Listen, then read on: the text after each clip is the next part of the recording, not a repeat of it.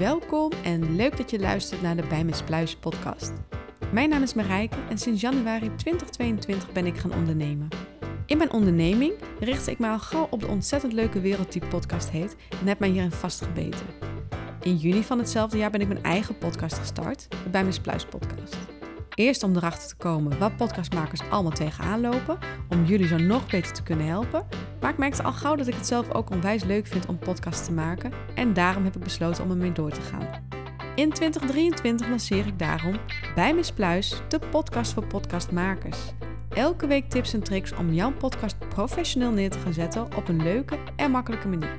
Want podcast maken is leuk.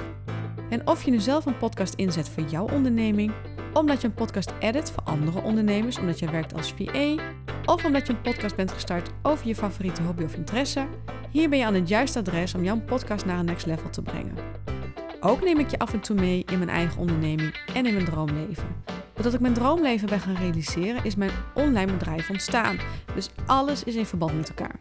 Ik vind het daarom ook erg leuk om je daarin mee te nemen en dat je mij ook nog wat beter leert kennen. Voor nu wens ik je veel luisterplezier en dat je me heel veel mag hebben aan alle tips die ik met je ga delen. Laat je me weten of je er wat aan hebt gehad. Dit mag via een mailtje naar marijke.bijmispluis.nl of via een DM op Instagram, bijmispluis. Kom je er nou niet uit met je podcast en loop je ergens tegenaan?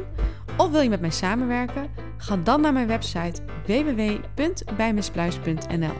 Hier kan je een gratis online koffiemoment van 20 minuten met me inplannen. Ik denk graag met je mee en het lijkt mij superleuk om online kennis met je te maken.